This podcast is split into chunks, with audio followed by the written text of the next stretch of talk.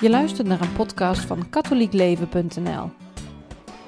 Daphne van Roosendaal ging op 13 januari naar de VNB-dag in Amersfoort. Een gesprek met organisator Emke de Bruin en de hulpbisschop van het aartsbisdom Utrecht, Monsieur Woorts.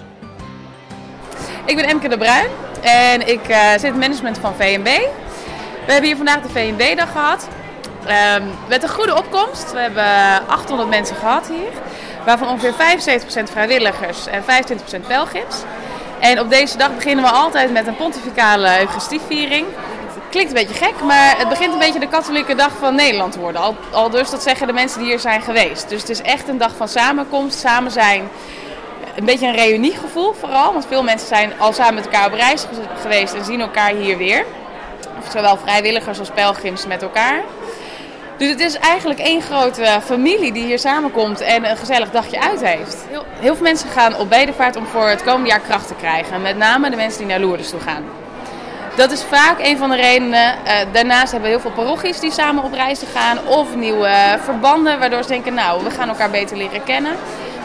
Maar met name is het toch echt een verdieping in het geloof. En vooral samen op reis te gaan met soortgelijken die datzelfde ervaren. Want ja, je, je kan met een kras op vakantie gaan, maar dat is toch anders dan als jij op bedevaart gaat. En je bent met allemaal gelijkgestemden die dat ook begrijpen.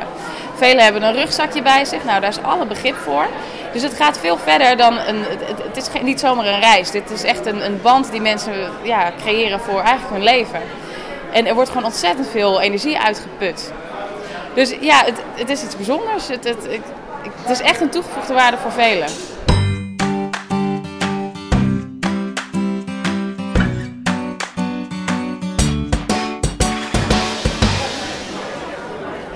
We zijn vandaag op de uh, bedevaartdag van, van de VNB. Uh, deze dag staat helemaal in het teken van bedevaarten. Kunt u uw eigen aller, aller, allereerste bedevaart nog herinneren? Als de dag van gisteren, en dat was in 1979. Toen was ik 16 jaar. Ik was uh, meegevraagd door een ouder echtpaar uit mijn thuisparochie Apkoude. Vrijwilligers voor de VNB die zich enorm hebben ingezet om vanuit de parochie altijd weer met pelgrims vanuit Apkoude naar Lourdes te gaan. In 1979 organiseerde de VNB voor het eerst een jongerenbedevaart. En uh, dat echtpaar heeft mij toen gevraagd. Um, en nog een paar jongeren uit onze parochie. En we hebben deelgenomen. En dat was voor mij een fantastische, geweldige, indringende ervaring. Uh, als jongere van 16 jaar kwam ik ten eerste in een groep met jongeren uit heel Nederland gezonde, maar ook zieke en gehandicapte jongeren. Die zowel vanaf hun uh, geboorte als later door ziekte of een ongeluk uh, ja, ongeneeslijk ziek of gehandicapt waren geworden. En we trokken een week met elkaar op. Dat was voor mij een heel nieuw iets. Ik was en ben nog steeds kerngezond. En de vriendjes en, en klasgenoten ook allemaal gezond. En wat nog heel veel meer indruk maakte, is dat ik voor het eerst in Lourdes zag wat het is om katholiek te zijn dat je deel uitmaakt van een wereldkerk. Ik kende alleen maar mijn thuisparochie. Uh, in Lourdes kom je natuurlijk uh, met mensen die uit allerlei landen bijeenkomen. Uh, uit Frankrijk natuurlijk, Spanje, Italië, maar ook andere delen van de wereld. En dat je samen dat ene geloof kunt vieren, ook al versta je elkaar taal niet. Maar je kunt allemaal dat kaarsje omhoog heffen en Ave Maria zingen. Of de stilte bij de grot in de sacramentsprocessie de mensen die neerknielden voor het sacrament en samen Latijnse gezangen zongen. Dat maakt op mij heel veel indruk. Maar wat, wat doet dat dan precies met je? Van, je bent 16, was het de allereerste keer om zoiets mee te maken, maar wat, wat, wat voel je dan? Of? Het was vooral een heel diepe beleidschap van binnen. Ik was toen zelf al aan het nadenken wat ik met mijn leven wilde. Uh, een beginnend besef of groei van ik wil priester worden. Uh, maar het was vooral in Lourdes heel veel innerlijke blijdschap wat ik voelde. Uh, dat je van deze kerk deel mag uitmaken, dat dit ons geloof is. En hoeveel ja, hartelijkheid en vrede er met de mensen was. Dat, uh, dat maakte me echt enthousiast, blij van binnen.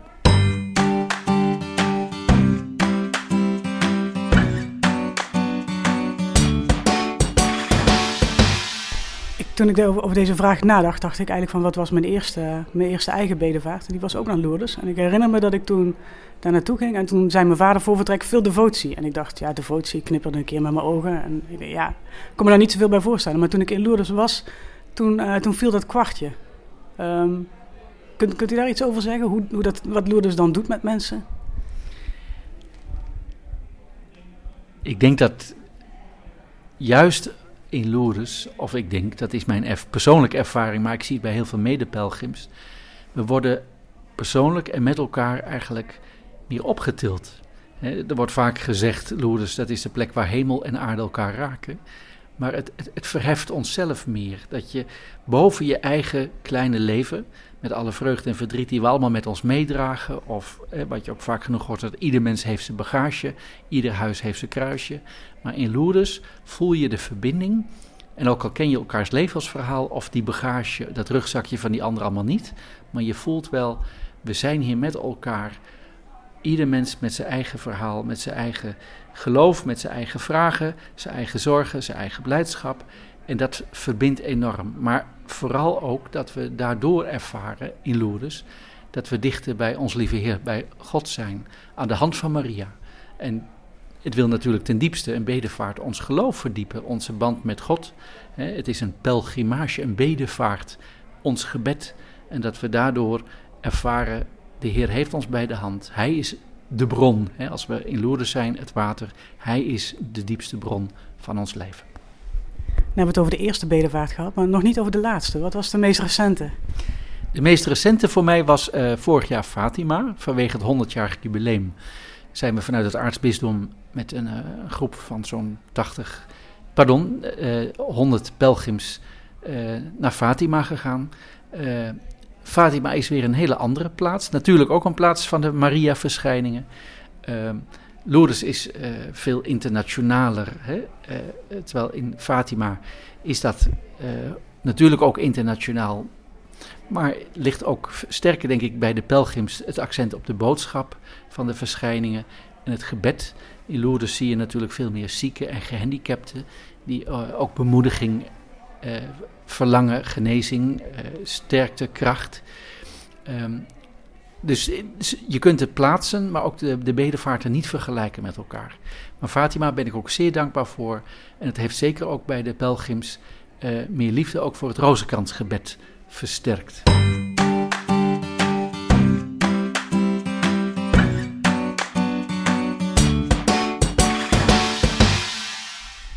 Vorig jaar was natuurlijk een bijzonder jaar vanwege Fatima. Dus uh, 100 jaar uh, verschijningen. Uh, de bisschoppen hebben toen de bisdommen toegewijd aan Maria. Maar nu we het erover hebben, dit jaar is eigenlijk ook wel weer een bijzonder jaar. Want uh, u heeft met de bisschoppen ook een initiatief genomen om het gebed van Fatima, of rond het gebed van Fatima. Wij wilden uh, het niet bij het jubileumjaar laten voor Nederland. Maria doet duidelijk de oproep in Fatima om te bidden voor de bekering van de zondaars en voor de vrede in de wereld. uiteindelijk is de grootste, de diepste vreugde, vrede uh, een gave van God zelf, een vrucht van de Heilige Geest, zoals we het in uh, ons geloof zien. En Maria roept op om aanhoudend te bidden, juist ook het rozenkransgebed. En we hebben als bisschoppen het initiatief genomen om, nadat het jubileumjaar in Fatima was afgesloten, om juist die oproep van Maria door te laten klinken. En iedere maand hebben we een speciale dag aangewezen waarin wij met zoveel mogelijk katholieken in Nederland uh, de rozenkrans willen bidden. Mensen thuis, in de kerk, uh, in een instelling, waar ze ook zijn, alleen of met elkaar.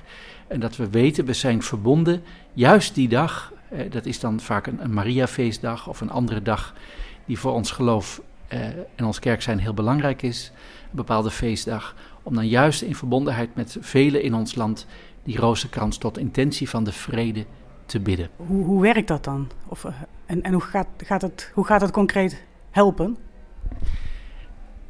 Hoe het gaat helpen, dat is aan God zelf. wij geloven dat uiteindelijk de, de grootste vrede die mogelijk is. Uh, vrede is niet alleen maar de afwezigheid van oorlog. Nee, vrede, echte vrede gaat veel dieper. Um, dat wij dat van God mogen ontvangen. Dat we elkaar ook als broeders en zusters, als kinderen van God uh, gaan zien en met elkaar wereldwijd naar gaan leven. En dat die vrede, dat die door God geschonken wordt. Dat dat de, de doorwerking is van de Heilige Geest in de harten van alle mensen. Het is de geest die uiteindelijk geloof, hoop en liefde brengt in de harten van mensen. En dat wil ons met elkaar verbinden. En heel concreet ja, daar waar mensen zijn, alleen of met elkaar, dat ze dan de rozenkrans bidden. In het besef, vandaag bidden nog heel veel mensen meer de rozenkrans tot deze intentie. We hopen natuurlijk dat mensen veel vaker dan alleen die dag die nu aangewezen is, elke maand in het jaar 2018, de rozenkrans bidden, maar zeker deze dag in verbondenheid met elkaar. Er wordt ook gezegd dat de rozenkrans een heel goed uh, middel is om, om uh, catechese mee te, te doen. De rozenkrans is een gebed waardoor wij het leven van Jezus en daarmee verbonden het leven van Maria, zowel het aardse als het hemelse leven, overwegen. We gaan vanaf het moment dat Maria te horen krijgt dat ze moeder van onze Heer Jezus zal worden, uh, gaan wij met de blijde geheimen, de geheimen van het licht, de droevige geheimen en de glorievolle geheimen, ja, uh, op naar Pasen. En vanuit dat geloof dat ook Maria in de hemel is opgenomen. Um, zo zijn we door de rozenkrans verbonden heel uitdrukkelijk met Jezus en het evangelie en daarmee verbonden met Maria. Nou, ieder tientje, zoals we het noemen, hè, is een moment om stil te staan bij wat heeft dit, zoals we het noemen, geloofsgeheim, dit mysterie, ja, ons te zeggen.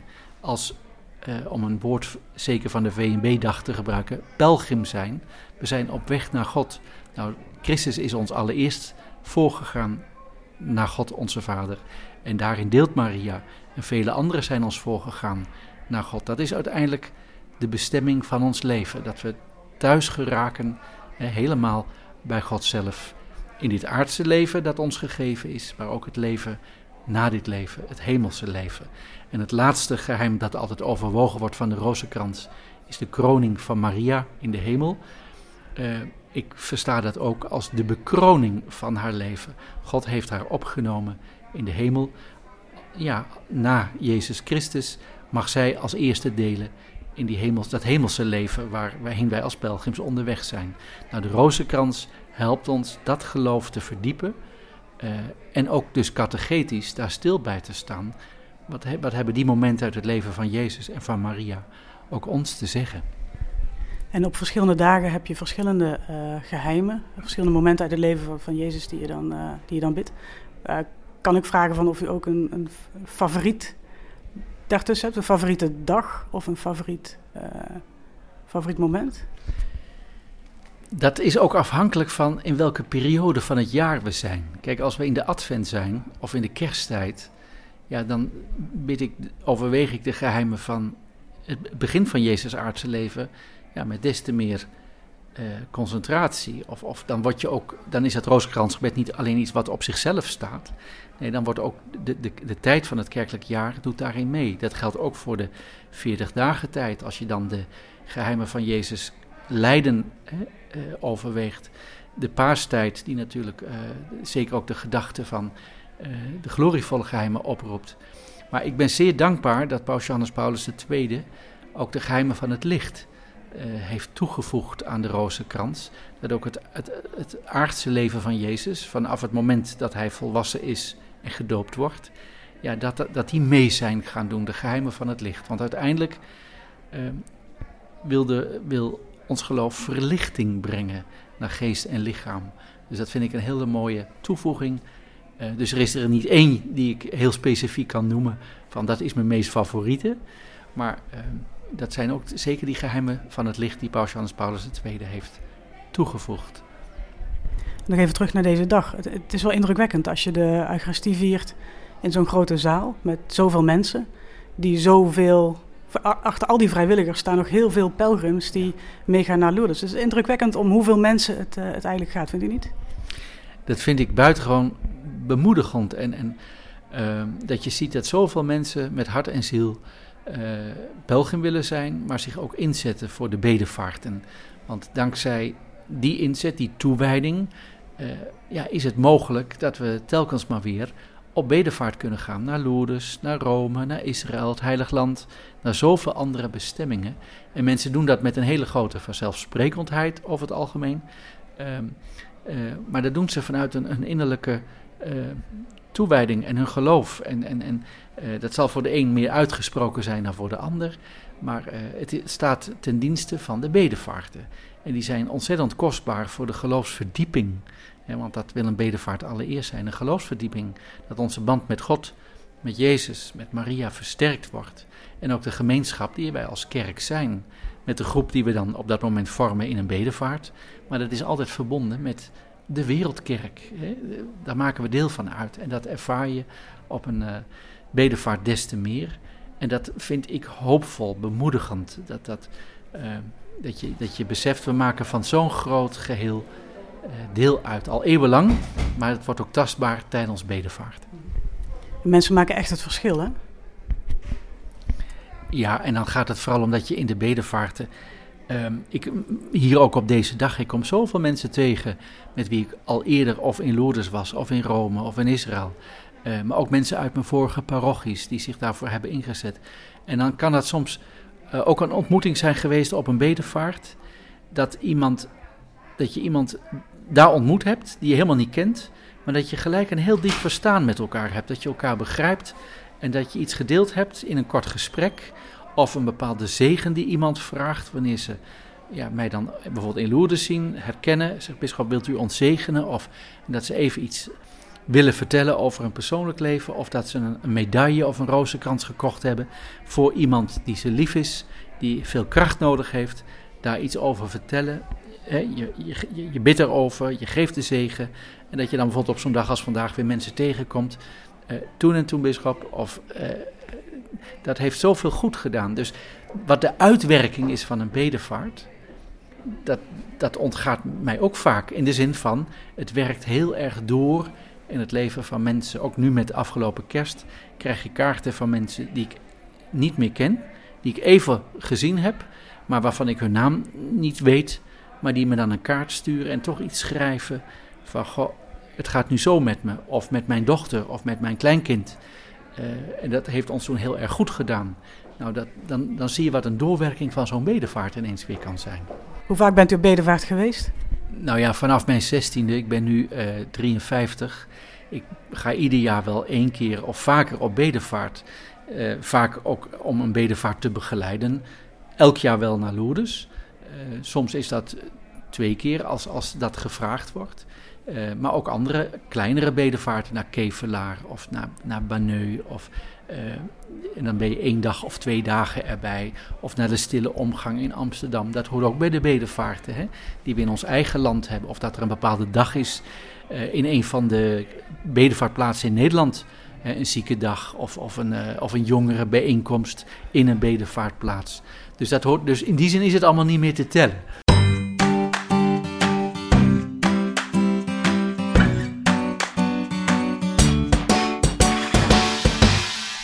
Als, als nou mensen twijfelen van, of die, die nog nooit op bedevaart zijn geweest, of die al heel lang niet op bedevaart zijn geweest, wat zou je dan zeggen? Ga mee, ervaar het. Um, ik maak vaak genoeg mee dat mensen zeggen, ja, Lourdes, um, wat, wat is het? En je probeert iets te vertellen, mensen voelen wel dat je ergens vol van bent, door geraakt bent.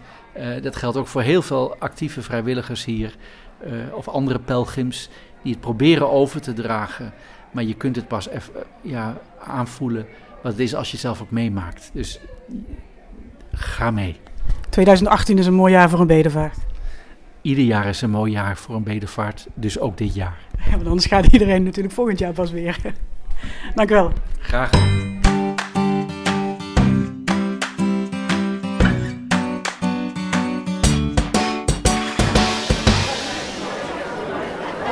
En nu is iedereen langzaam aan het afbouwen. En zit er alweer op voor dit jaar. Dus wij leven er altijd naartoe. We werken er hard voor. En het is altijd zo'n feest om het te mogen vieren. Het voelt echt als een feestje vieren. Volgend jaar weer? Absoluut. Ieder jaar weer.